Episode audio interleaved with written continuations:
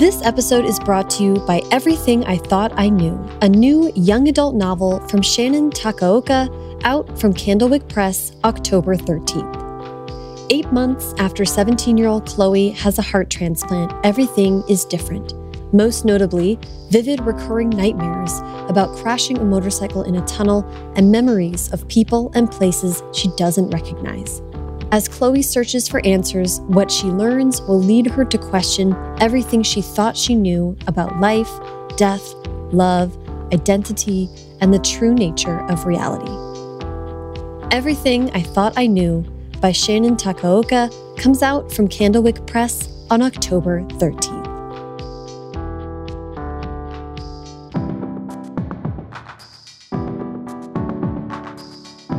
Welcome to First Draft with me, Sarah Enni. This week I'm talking to Carson Ellis, author and illustrator of best selling picture books Home and Caldecott Honor book Du Iz Tak.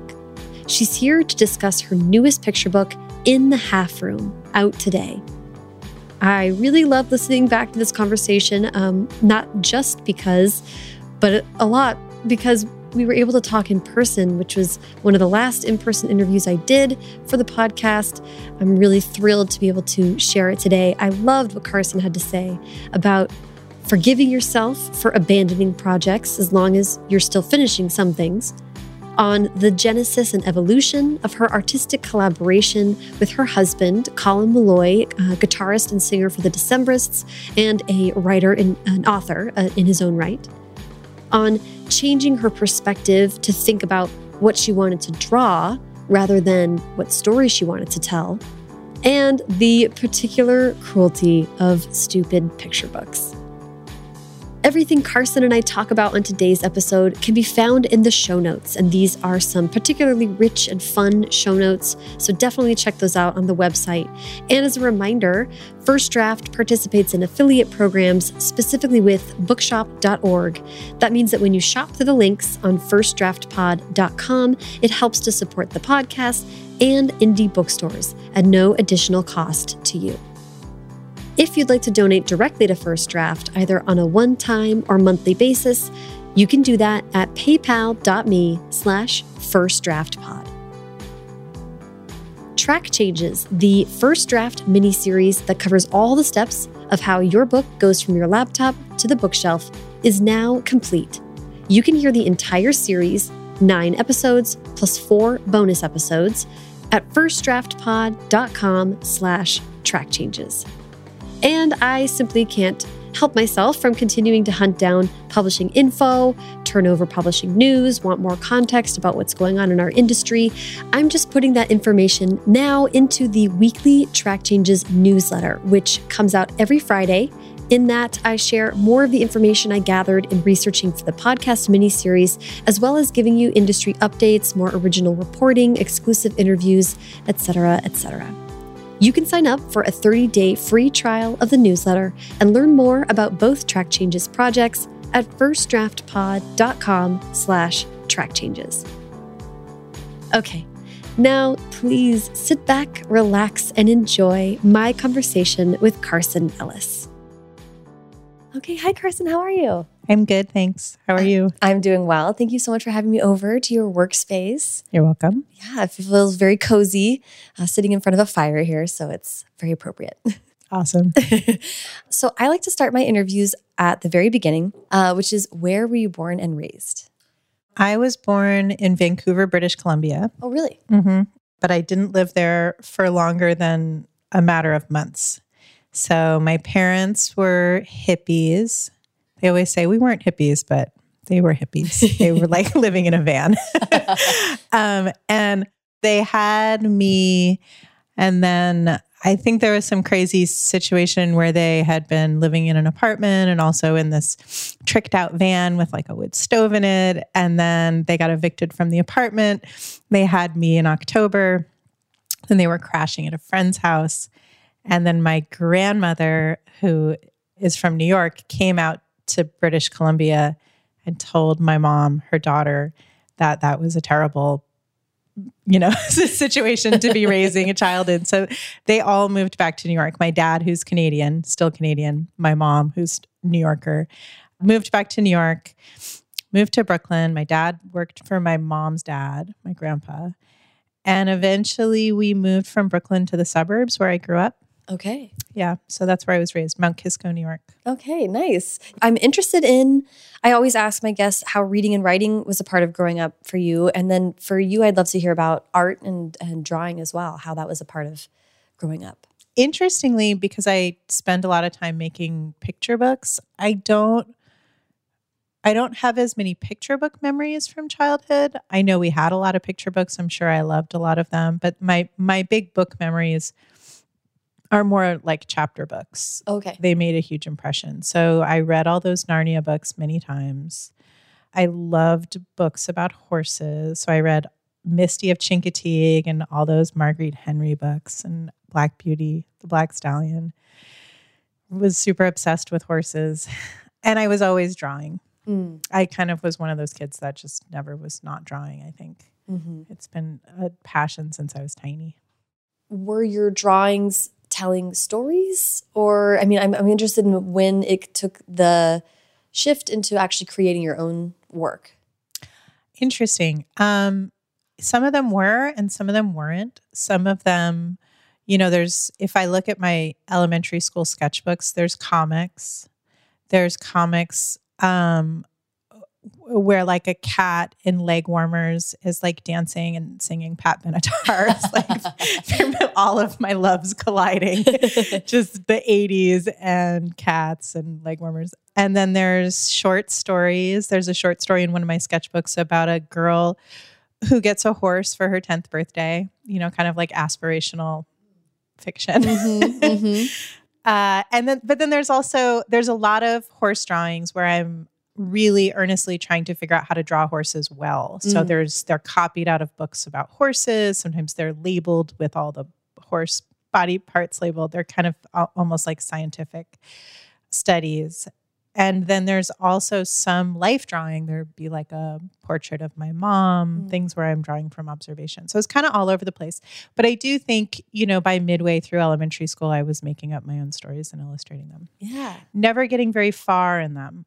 I was looking at a sketchbook recently because I had to talk to some kids about art. And so I was looking through the ki- my kids' sketchbooks, and there's a lot of projects that were started and then stopped. Mm. You know, like I got halfway through a comic and then I was like, yeah, I've got other things to do.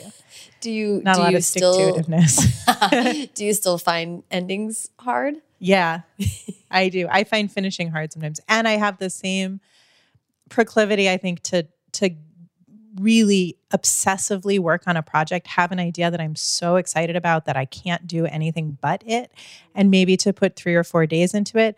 And then to abruptly abandon it and then never even revisit it. I do that all the time. I did it a couple of months ago, and I I think it might be part of my process.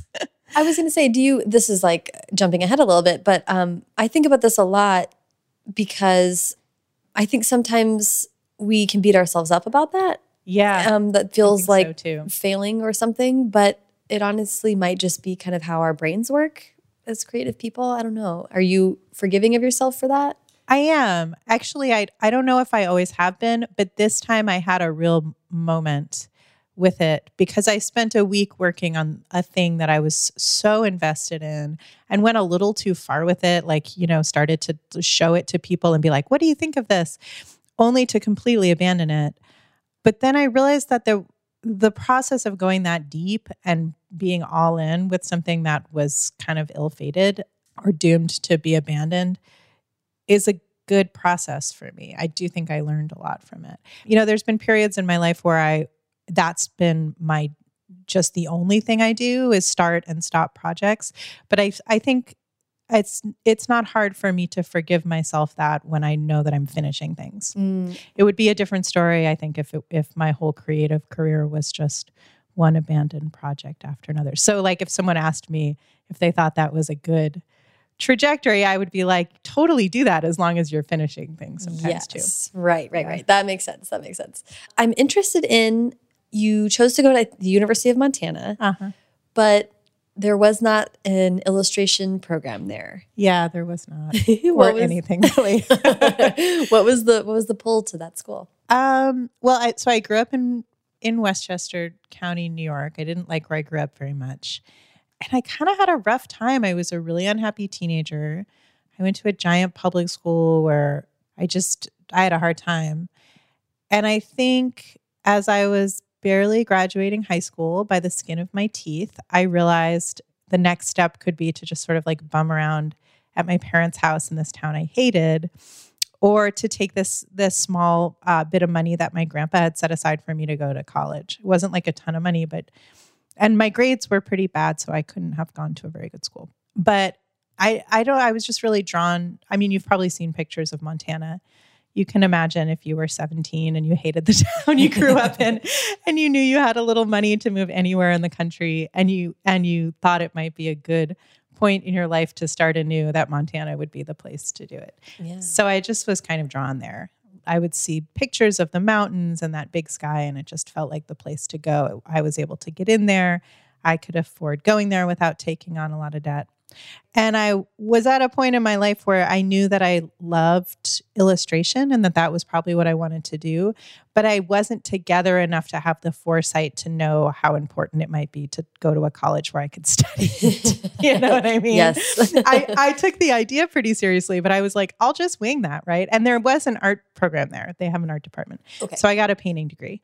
And for all the good it did me, you know, I'm not really a painter, but but I did get to study art, which is an important thing, you know, to have that practice and to have a creative community in college. And then I graduated and had no idea how to be an illustrator, but that just kind of slowly fell into place over the course of many years after I graduated. Yeah. To be an illustrator could mean a lot of different things to a lot of people. So, when you were envi- envisioning what you wanted to do, what were you thinking? What mediums and where did you see your work ending up? I think I certainly saw myself as an illustrator of children's books. Mm. I had this kind of kids book awakening as a teenager weirdly. I like I said I didn't really I certainly had connections to picture books when I was an actual kid, but I had this more deep resonant kind of intellectual connection to them as a teenager. So I was like a miserable teenager and I the first book that I saw that I really um that made me aware of this was the book Outside Over There by Maurice Sendak, which is such a dreamy, poetic, angsty, bizarre book with beautiful illustrations. And at the time, I was probably 16 and I loved to draw and I loved to write my weird, bad teenage poetry.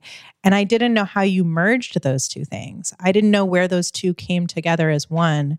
And then I saw this beautiful picture book and I thought, oh, it's in books for kids. You can kind of do anything with them. They have this large, ambiguous audience, readership.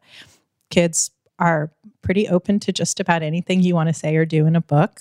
Their literary tastes are unformed and they are really open-minded. And so that I that dawned on me and and kind of kicked off a lifelong obsession with picture books. So I had been thinking about them since I was a teenager. I knew that that was what I wanted to do. And then the other thing that was really formative to me from a really young age was the New Yorker, which I was always looking at in my house and looking at those illustrations. They're a huge part of my kind of creative consciousness. So I, I did not know when I graduated college even what the term editorial illustration meant mm-hmm. or what an art director did or anything. I just didn't know. So I didn't know that the New Yorker is editorial illustration. Now I do. But I pictured myself doing that and I pictured myself doing books for kids. Okay, I, that's really sweet. I love that you found kids' books, and and I mean we can talk about it later, or maybe now as a the evolution of kids' books and the types of kids' books that you found when you were a teen. I'm just thinking of the um. Now I'm going to forget what it's called, but the the sort of um, proclamation about kids' books that. Oh, yeah. Yeah, do you mind talking about that really quick? No, I don't. It's so, so old now. I kind of can't remember that much about it. But Mac Barnett wrote a children's book proclamation, a kids' book proclamation, and that was meant to be sort of like a manifesto.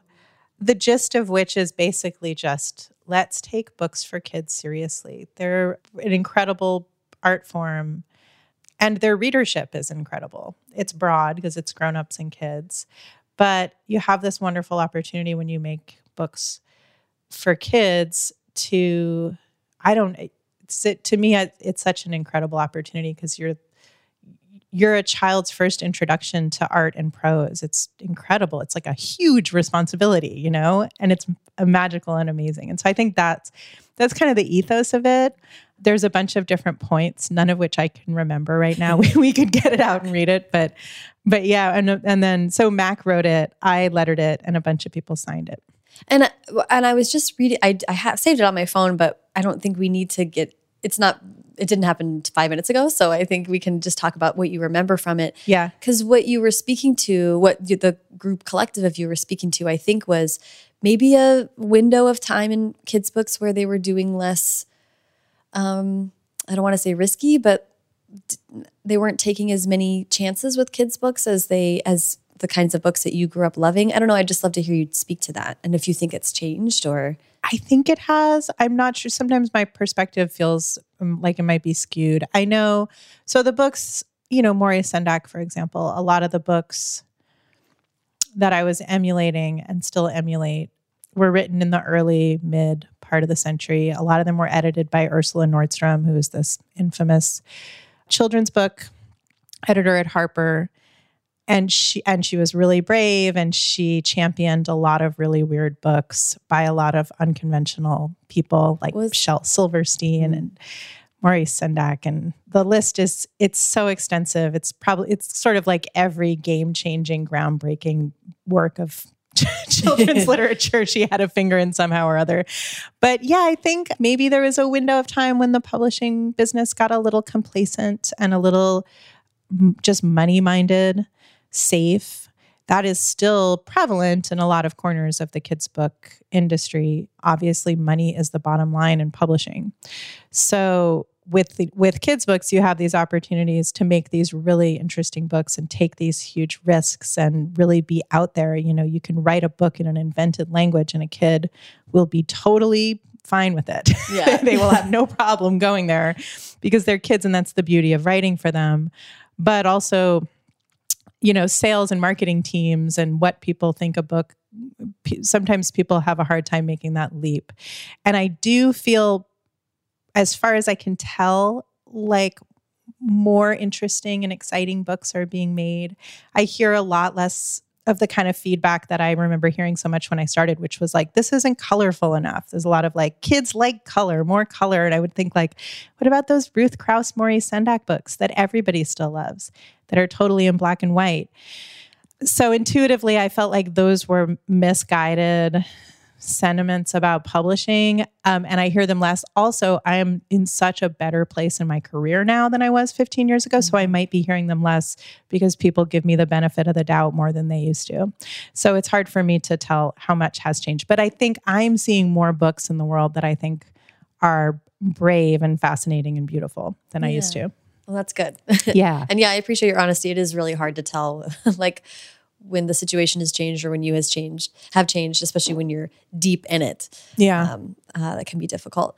So the the thread was you're graduating from college and you know you want to be an illustrator but you're not totally sure how it's done. Mm -hmm. so i'd just love to hear how you kind of found your way to it. What was the journey like?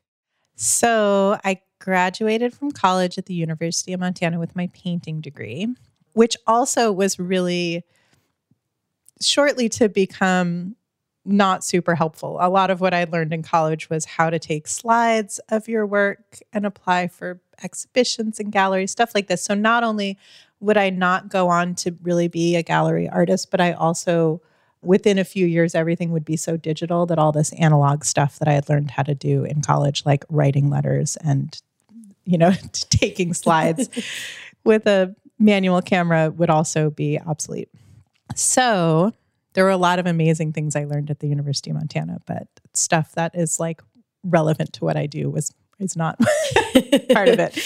So I graduate and when I was in college, my college roommate who is now my husband, his name is Colin Meloy. We were roommates in college and we collaborated on a lot of stuff for his band at the time. His band now is the Decemberists. Back then he had a band in college uh, called Tarkio. And so we would collaborate on album art and I would make flyers for his band and stuff. And we had a lot of big dreams about ways that we wanted to collaborate. And we went our separate ways after college. I moved around a bunch. I was in Vermont and Minneapolis and San Francisco, always working as a cocktail waitress or a bartender, doing some kind of service industry job and I was paint I was I was actually doing paintings and having shows and making like a little bit of a supplemental income that way. Big paintings on canvas. And at some point when I was like in my mid 20s, I think I moved up to Portland where Colin lived and we started more actively collaborating on stuff and so that's when he started his band The Decemberists. And I started doing all this art for his band, which I didn't really even realize was illustration at the time. Mm. It didn't even occur to me. That line was so blurry, or I just didn't know what it was. But it was illustration. And so it kind of got out into the world in the form of posters and album art. I was doing all these pen and ink drawings on uh like he had an album called Castaways and Cutouts and the CD booklet was full of these little black and white illustrations. And I think as his band gained more visibility, that work caught the eye of art directors. And so people started hiring me. Yeah. So that was kind of how that got rolling. And I started out doing really abysmally low paying editorial jobs for weeklies. You know, it'd be like $60 for a drawing or something. And then at some point I quit my job and I just kind of went for it. And then I I started to get a lot of work. So I w- did more and more editorial work until a literary agent named Steve Malk asked me if I wanted to work in kids' books. And I was like, yes. Actually, that's, and he's kind of an amazing literary agent because he has this ability to sort of look outside of the kids book sphere at these other people who are clearly doing kids book work but not in kids books and to say don't you think you'd like to be doing this and he's always right the person's always like that was the dream and he was like come with me uh, so i started working with him and that's how that ever since then I've That's been amazing. doing books for kids. It's very cool that you that it came to you. You know, that's really like beautiful. Yeah. I was so lucky in that respect. I didn't know at the time how lucky that was because I didn't know how the whole thing worked. At the time, I think I was so impressed that anyone was hiring me. I was so impressed with myself mm. that people were hiring me to do editorial work that I didn't even realize that I how helpful it would be to have a really great literary agent. And so I was sort of like, I don't know, I think maybe I've got this. Like, you take 15%. But now I'm like, it was so naive. I, I was came dangerously close to not having this wonderful uh, guy in my life who's like helped my whole career. well, I want to I want to go back to you and Colin beginning to collaborate it, it, I think it's so sweet that you guys were like creative collaborators before you were even romantically involved. That's like very special because yeah. you're still working together. Yeah. Um, like in every way. mm-hmm. um, but I, I really want to ask about about drawing to represent music and collaborating with Colin, who I know is very like opinionated as well about aesthetic things. Yes. Um, what is that like to take, uh, you know, music and and writing really do flow together in ways that we kind of don't even understand. But what is it like to take someone's music and try to interpret it through your own work? Mm, it's a good question. I think it depends. It depends on the music, obviously.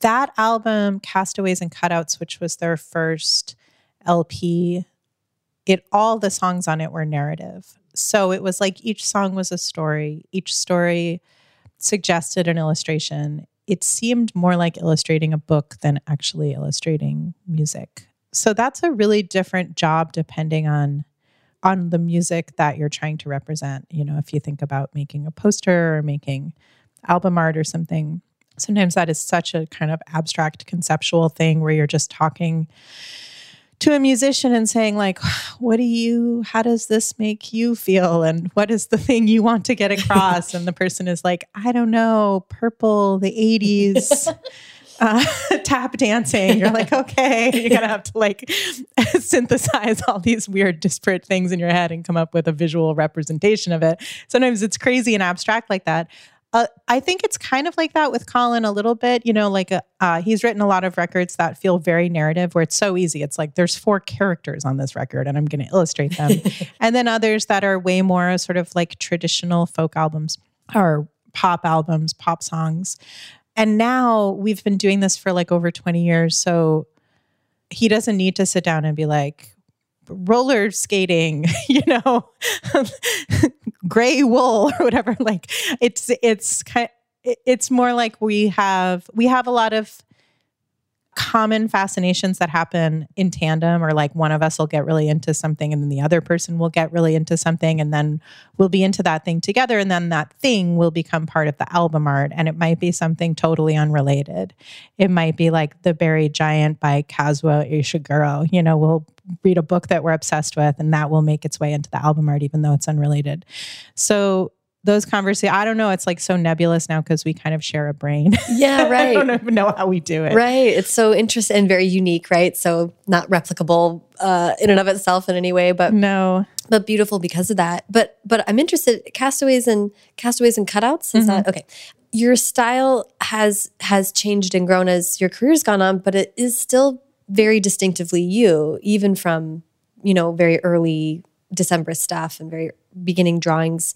I'm interested in how you've found your voice as an artist as well as like the band finding you know what i mean like there's so much that's happening at the same time Mm-hmm. but still growing and changing and evolving like do you feel like you were able to hone your own voice within that world I think so, yeah. I think that um I mean that's the Decemberist album art evolution is always like uh, mortifying and fascinating to me because it's you know for like 20 years it's like a different image each year that represents whatever creative journey I was on, whatever medium I was experimenting with, whatever U turn I was trying to make as an artist, whatever opposite of a U turn, like coming back to something, you know, right now, to, the thing I have to do today is uh, design art for a Decemberists tour.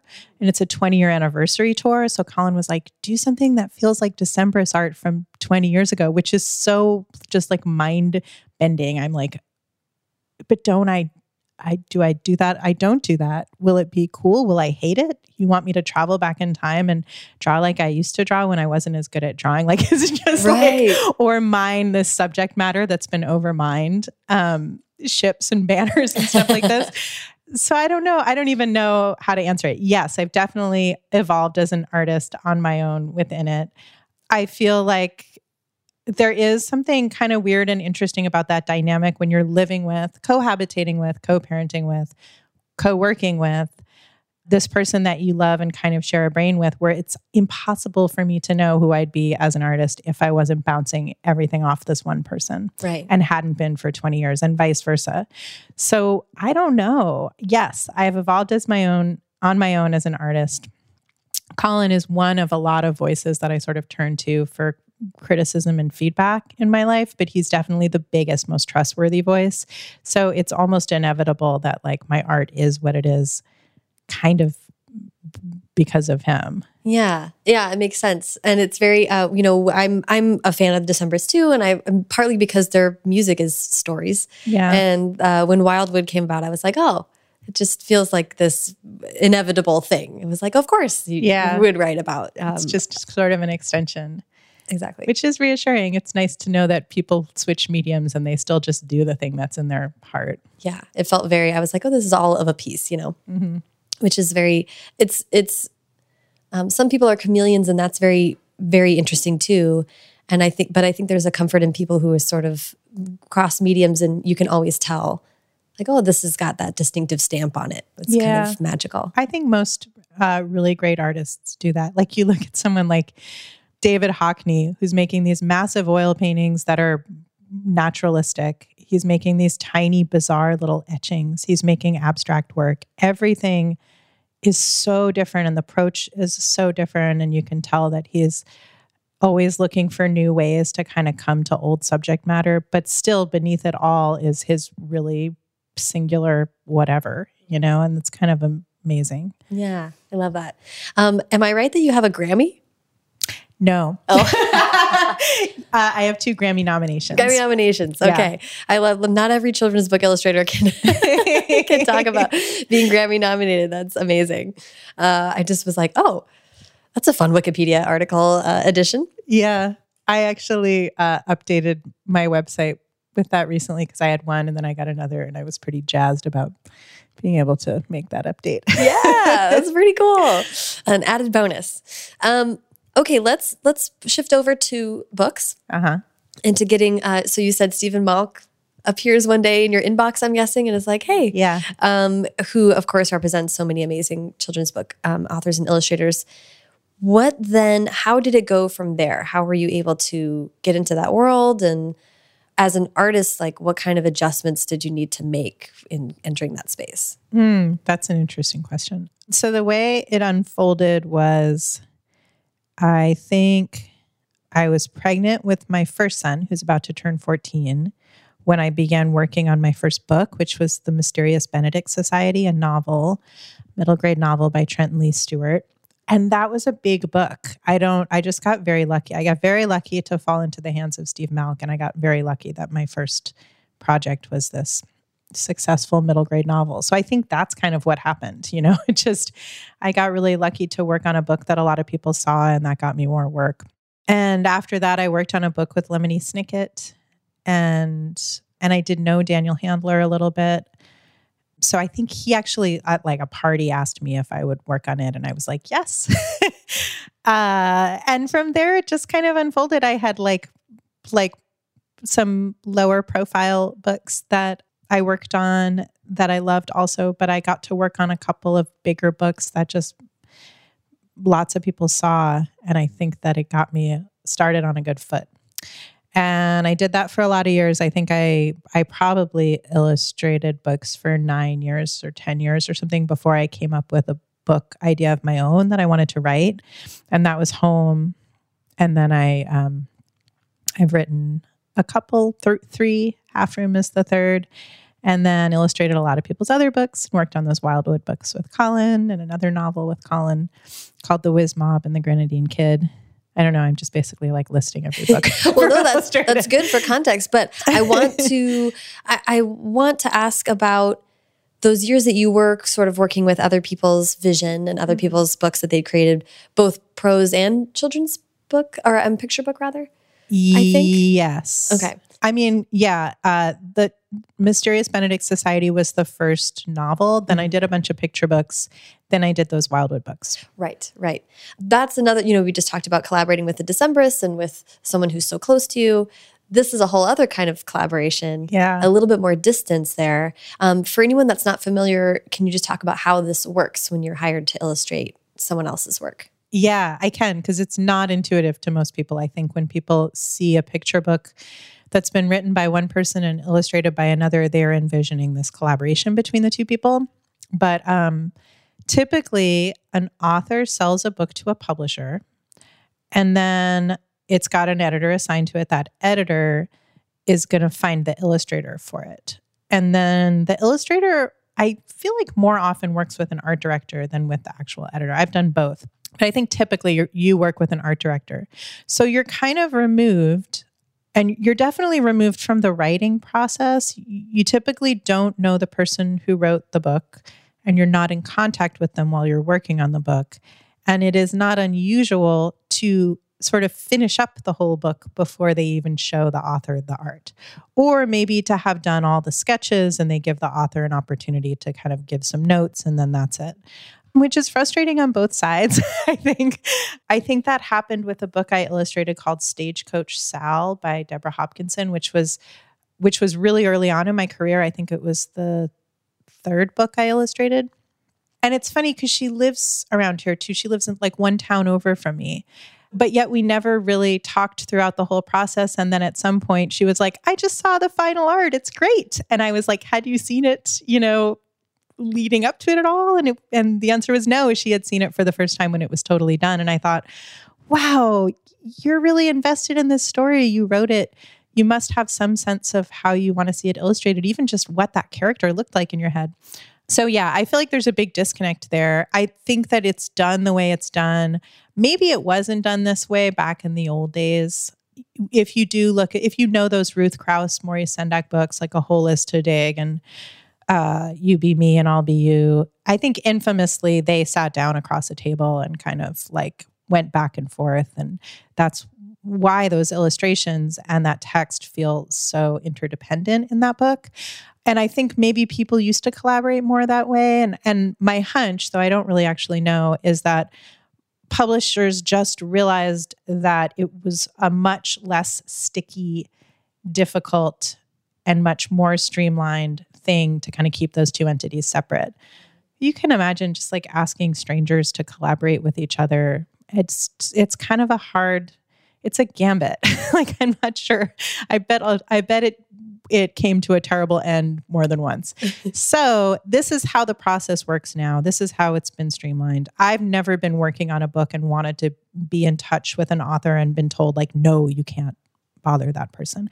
I just illustrated a book about the winter solstice by Susan Cooper, who is this incredible, brilliant British woman in her 80s who wrote The Dark is Rising, this series of middle grade fantasy books in the 60s and um, and I didn't know her at all but I really wanted to be in touch with her I had so many questions about the book and I and I'm kind of at a point in my career where I don't really want to work with people that I'm not either really enthralled by or uh, that I know personally so I was just like can I be in touch with her and they were like of course and so we went back and forth and talked about the book and it was incredibly helpful. It would have been a much, much lesser book if I hadn't talked to her about it. That's so cool. But yeah, let's talk about about getting to writing your own work. Had you always had that in the back of your mind that you want to I know you always wanted to be an illustrator, but had you thought like I do one day want to write my own work as well? Yes. Yeah, for sure. In fact, I have lots of ideas, illustrated stories stopped and started going back to high school it was always the goal. I think at some point, I mean, again, I feel like Colin com- comes into play here again because part of my creative block about writing was like, we're a creative collaboration. He's words, I'm art. Mm. You know what I mean? Mm-hmm. Um, and then at some point, I was like, oh, I don't think that's true. I think I'm words too. But I don't. Colin is a really good storyteller. He knows how to come up with a story and flesh it out into this long, crazy like fantasy novel. I actually am not narratively inclined. It's why I think all the picture books that I have written myself are pretty unnarrative. Mm-hmm. One of them is a poem cataloging different homes. One of them has kind of a loose narrative running through it, but it's about bugs and there's no language in it except invented language. There's just dialogue that's not in a language anyone understands. And then this new book, The Half Room, that I just wrote, I definitely not much of a narrative, sort of more like a dreamscape. So I don't I don't think it's that he's words and I'm pictures, or that any collaborative relationship or romantic relationship needs to break down that way. It's kind of a goofy idea, though it's easy to fall into that trap. But I do think that storytelling is as much as I love stories and I love books for kids, like I have to force myself to come to it from different angles and different places in order to be able to say something that's meaningful to me. Because a story with a beginning, middle, and ending is like, frankly, maybe not something that I'm very good at. I'm not, I'm a mom, so I'm, you know, telling stories to my kids a lot. And I see how Colin and other people around me sort of effortlessly sit down and tell these stream of consciousness stories to their kids and that's really hard for me. For all the ways that I think of myself as creative, sitting down and just making up a story is really hard. That's so interesting. Yeah. I mean, that's that's like a good thing to know and recognize because I think a lot of people or or or just unusual narratives feel more in line with what you want to say. I think your books do a great job of, um, and my favorite picture books do this of love being so open to interpretation that's what you know then kids get to fill it in for themselves and read it over and over and because it means something different to them every time i think. Yeah that's um, kind of my jam. That's how i solved that problem. Yeah. It's like if you make this open-ended thing that other people read their own stories into then you don't really have to be a good storyteller. You let the people reading tell the story. And it's not you know a good bad it's just a different kind of engagement mm. right? Um, and it feels poetic, you know, which picture books are kind of um, holding hands with poems. I think a lot of the time. And but I want to ask then, what made uh, Home was the was the first book mm-hmm. that you did on your own. How did that idea come to you? What made you feel like, oh, this is the one I can do on my own? Mm. So I had uh, ran a bunch of ideas by Steve, most of which he was like, he was either like, no, or you need to flesh that out. like, that's not, that's just a germ of an idea. Or things that I ran by him and then was like, actually, no, I think that sucks. And then I abandoned it. That happened a lot.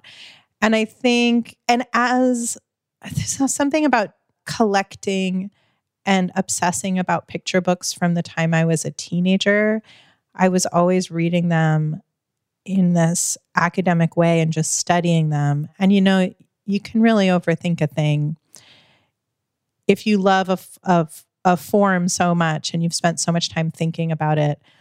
Uh, the, the thing that I always was telling myself was like, do you really have something valuable to add to this heap of amazing books that already exists? If you have something mediocre to add, you shouldn't do it. And mm. I always mm. thought I could do it if I want. Like I'm a pretty good illustrator. I think I could get a book deal for a beautifully illustrated book that had kind of a dumb idea behind it. Like I think I could swing that, but I don't want to do that. So I, that's why I kept abandoning ideas. And then at some point I realized that this this idea that I didn't know how to tell a story, I was really excited about was the thing bogging me down. And so I decided to come at it from a totally other angle, which was to figure out what I wanted to draw instead. And I was looking around at books. There was a book around the time I wrote Home that came out maybe the year before called People by Blexbolex. He's a I think French cartoonist and it's ostensibly a book for kids but it just juxtaposes these beautiful illustrations it's just about the juxtaposition of characters on either side of the page. So you have a character on one side and a character on the other side. I'm not explaining it very well, but your listeners should check it out. And I was also thinking a lot about Richard Scarry, who writes these books, that they are so exuberantly drawn. You know, you read them and you're like, this guy just wanted to draw. He just wanted to draw cars with faces and vacuum cleaners with faces and animals. And like, he doesn't, the cars and trucks and things that go, like, there is a narrative that runs loosely through it, but it's just an excuse to draw all these other things. And those books are so beloved. And part of what is so beloved about them is all the detail and all of the information that kids can kind of glean from those books and pick out and use their imaginations to flesh out those stories. So I was like, I'm coming at it from the wrong angle. I should come at it from the drawing angle. And then I was like, if I'm going to spend a bunch of time drawing a book that I wrote, it should be making drawings that I really, really love. And so then I thought about homes and I thought about environments. And then I thought about the idea that you could fill these places with details that would suggest who lived there and would help kids make guesses and use their imagination while they're reading and and then the idea just opened up to me and I was like, "Oh, I just need to write a short poem about homes and then it'll be all about the art." Yeah, I love that. And I think I read that you said it like you wrote it really quick. I wrote it really quick. Yeah, I wrote it in probably like 10 minutes and then the um the illustrations were kind of as fast because they were in my head while I was writing it. Mm, mm-hmm. I don't even remember like thinking them up or something, which is really different than when you illustrate someone else's book and you're just banging your head against a wall trying to figure out what comes yeah. on this page and that page and and um and you appear in the book. Yeah. So was that that was obviously always kind of the plan to in- include yourself? No, it um initially that last page so I turned to the last page where it says, An artist lives here and it's me. Initially, it said, A child lives here because I wanted the reader to see themselves in the book. Mm-hmm. And the child would be in a room like my studio is in that book, where there's little sort of souvenirs from everywhere else in the book. And then a lot of people kind of like a lot of editors who looked at the book just felt like it was so disjointed. It was just, there wasn't anything holding it together. And so I think that was part of the problem. I guess it was like I had people tell me, why can't it just be all like the homes of mythical creatures or mm. homes around the world or something? Why why does it have to be so all over the place? And I was like, it's kind of the point of the book. It's absurd that it's so all over the place and that we're supposed to take the idea of you know Valhalla as seriously as we are to take the idea of um, a Slovakian mansion, you know. Um, but people didn't quite get it. And then I still, Candlewick was going to publish it, and my editor, Liz Bicknell, was like pretty happy with it, I think. But then I was talking to Mac Barnett, and he is one of my readers of everything. Him and Jon Klassen both, and Colin, I think, are like my three main readers, and my sister in law, Maile Meloy, four main readers. They they kind of cover all the all the bases, and I I feel like if I show everything to those four, they will figure out any problems that it has and I'll be good. So Mac saw that and was like, I think he told me that it should be me on the last page. He was like, Why isn't that you? And I realized, oh, that's the thing that ties the whole book together. So then it becomes a book not just about using your imagination and thinking about homes, but it also becomes a book about being an artist and um, the kind of inspirations that you're drawing from your whole life. You're like your obsessions that are like the threads that run through your creative life and imagination since you're a little kid. Yeah. And I, and I think twofold, right? Is because it identifies that the book is all equally serious because you're taking it all equally serious. Yeah. And then it it turns around and says, "What about you?" I mean, the final word is is like, "Where do, where are you? What do you think?" Yeah. Um, which is so fun, and like that's the like tipping off point where I can imagine every kid just kind of thinking about that and engaging with the book in a different way. I hope so. Yeah. That's the idea. It was so fun. I was like, oh, it's she got the chance to draw herself. How fun. yeah, I know. And it's such a it's not an intuitive thing, but then when I worked on the half room, I was like, I'm going to put myself in there too. Like why not just make bizarre psychedelic autobiographical books for kids? Yes. I love There's it. There's no rules. yeah. So so I want to ask about Du Iz Tak Mm-hmm. or is that how do you say it? Ah, you said it right. Okay. Do, do is talk. Because I understand that that was a really different process for you. Yeah. Uh, it was a different process. It was just more laborious. Mm-hmm. The concept of it, which is basically this idea that there's a plant that's a seed that sprouts and then a plant that grows on every consecutive spread throughout the book. So this plant gets bigger and bigger and bigger and it turns into a flower and then it dies. And then all of its seeds sprout the following spring. So it's kind of like a life cycle of a plant thing.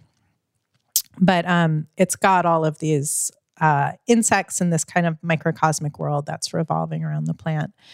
Um, so that idea came to me like pretty quickly. I was lying in bed and thinking about gardening, and I Mm. thought, oh, that would be a good idea. And then it felt kind of static and quiet. I didn't imagine it with text. I Mm. imagined it as a wordless picture book Mm-hmm. Because I wanted it to feel immersive. I wanted you to feel like you were in that world. And I feel like with this omniscient kind of narrator voice, it would remove you from that. So I, I didn't want it to have a narration, but then it felt, yeah, static, like kind of boring. And so I, I added this language that was invented. And that part all actually was pretty easy and came to me pretty quickly. It wasn't that hard to write. But then the art itself, which almost works as animation because the plant grows a little bit on each spread and there's all of these tiny little details that I had to keep painting over and over and over again. It was really laborious, arduous, and I hated it. And so it felt, whereas making the art for home was really fun and lovely. I loved making those paintings. Making the art for Do Talk was repetitive and made my back hurt and made me super grumpy. And yeah. Yeah, and and I've heard you describe um, in one interview you said that you sometimes feel imprisoned by work. Yeah. I mean, it, I I don't like, remember saying that, but I'm sure that's true. I mean, it's I I appreciate the honesty. I'm just interested in how in how you think about the work because uh, you have also said that you are very careful to work on one thing at a time, and and yet then that leads to sort of being stuck with one thing at a, at a time. Yeah. So I don't know. How do you think about that? Um, I try to be conscientious about what I take on and not take on work that I feel will make me feel imprisoned. it's like Yeah. a good good first step. In the case of Du Iz Tak, I had that idea and then I was aware, you know, I feel like all projects they have these sort of moments of inspiration and then they have moments of drudgery. If you make books, it's not like you're just in a whirl of creative inspiration for like 12 months. That's absurd. No. That's nobody's nobody can do that. Doesn't make any sense. So there's a lot of drudgery and that's part of the practice. I think being able to just sit down at your drawing table and draw those stupid tiny blades of grass one after another, it's like a meditative practice and it's part of your job and you have to be able to do the boring part that you don't care about in order to also do the wonderful part that you do. And in the case of that book, I I really it all felt in service of this idea that I thought was good. I was like, it's okay that this makes my back hurt and I'm tired of doing this and I dread going into my studio because when it's finally done, I'm going to be proud of this book. I knew I would like it. That's a miserable feeling when you don't think you're going to be proud of it. And I Mm. have been known to bail from projects because I'm like the the mental anguish of this isn't worth the thing that I'm working on. Yeah. Um, so let's talk about in the half room. Do you mind pitching the pitching the book for us? Well, oh gosh, I don't know how to pitch this book. It's I don't even know how to talk about it really, but I'll tell you instead of pitching it, I'll just tell you a little bit about how it came to be. Does that make sense? That's perfect. it came to be it was my son's idea, my son Milo, who is uh going on 7. He'll be 7 by the time this airs. And he and I were drawing together, and he often will give me drawing requests. He'll be like, draw this, draw that, draw the Salopicon. I'll be like, what is the Salopicon? He'll be like, it flies through space, it has wings, it's like got one big eye. And I'll like draw it. And he'll be like, nice, now draw this. so he was like, draw the half room. And I was like, what's the half room? And he was like, it's this room and everything in it is half. And I was like, oh, that's super cool. So I drew it and it was just this tiny little pencil drawing. And I looked at it and I was like, I think that that seems like a picture book. So it was just a jumping off point, but I just sort of wrote a poem around it. And it's a real stream of consciousness poem. It's sort of like, where do you go with that idea? There's a half room. Colin's idea was like, it should just be a room and everything in it is half half chair, half table, half shoes. And then it ends. And I was like, I, I just kind of can't. Like, I feel like it needs to have something more that happens there. So it's a half room. Everything in it is half. You see the half chair, you see the half table, you see the half cat. Then there's a line that says something like half a window, half a door, half a rug on half a floor. And then there's a page turn and it says, the light of the half moon shines down on the half room. And then you see the whole half room and everything in it is half, including me. I'm in the room and I'm half and I'm reading a half book with my half cat. And the light of the half moon is shining into the room. And so then the story basically is that you see some more half things, and then there's half a knock on half a door. And then half me goes and answers the door, and there's another half of me. And we shoop together and like run off into the night. I love the shoop. you know, I like the shoop too. And then the cat is left alone in the half room, the half cat. And then another half of a cat comes to the door. It's like the front half of the cat is left behind and a cat butt comes to the door basically and you think they're probably going to shoop together but then they don't they get in a fight like a cat fight and then they go to sleep together on the half rug Which feels, uh, we were talking before we started, before we hit record, that that just feels so perfectly cat like. yeah, it did feel cat like. I had so many thoughts about it. You know, I as I was sort of coming up with the idea, which makes so little sense to begin with, I was like, what should be the other half that comes to the door? Like, I'm a woman. Should my other half be a man? You know, Mm. like what is the thing that I shoop together with? And everything that I came up with felt so loaded and Mm. felt like it had this sort of deep in some instances problematic subtext you Mm. know and i really didn't want to tell the story of a person who was half until they find their other half and then they become whole like this is not a story i don't even feel like this is a story about like you know being a sad person who just needs to like be whole to be happy. I just really didn't want this story to be dogmatic. Mm-hmm. I wanted it to be mm-hmm. weird and absurd. I felt so strongly about that. So I I came at it from all these different angles, trying to figure out the perfect way to be utterly ambiguous and not have it have a message because I didn't want it to. And I and I really feel like you know at at at some point the two halves of the person shoop together and they run off into the night but one half might come back later and the other half might go off where it came from like it's not i don't think the point is that um it has this neat and happy ending. And so that was part of the thing with the cat. Cats are so weird. If you introduced a cat to its the literal other half of its body, it would probably get in a cat fight with it. yes. and then like reluctantly fall asleep on a rug and nap with it. But also, I wanted there to be other outcomes at the end of the book. I didn't Yeah. want everybody to just shoop together. Yeah, I like that. It does. It prevents it from having an air of inevitability or Yeah, predictableness. that too. Yeah. Um, I did like when I was reading the book. I, I interpreted this page where the shoop together you runs out into the night as like kind of dancing and being excited. Yeah, Yeah, it's it's meant to be kind of an ecstatic moment. yeah, Yeah. It's so fun. Thanks. I want to ask about representing yourself again, um, because you look different in this book than you do in Home. Oh, well, I don't feel like you really see me in home. You only see me from the back. Yeah. Yeah. Well, you're out in the window that one. Oh, yeah, yeah, yeah. it's true. Maybe I do. I think that it was n- n- necessarily um, like when I'm in the window, I'm so tiny. I'm almost just like a little smiley face. I had a little more room here. I don't know that this really looks like me, but I'm a distinctive person in a way because I have long red hair and I wear red lipstick. So I feel like no matter what you make the person look like, if you give them long red hair and bangs and some red lipstick, like It's you. people will know I'm trying to draw myself.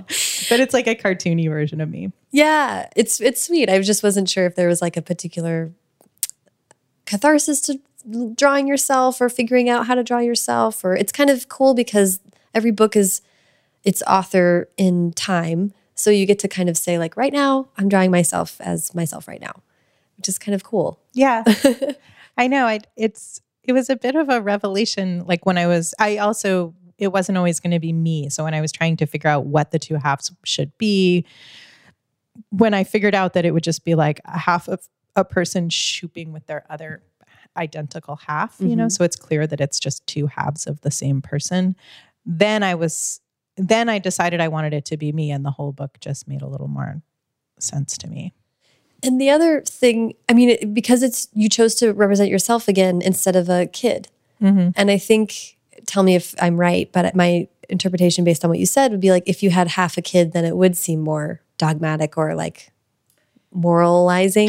moralizing like if you had you just think of any of the possible scenarios if you have the grown-up you shooping together with the child you if you have your feminine side shooping together with your masculine side it's not that any of these concepts are are bad they just are uh, like a bit prescriptive or something. I don't know. Like they they have a strong message, and then you know what the book's about.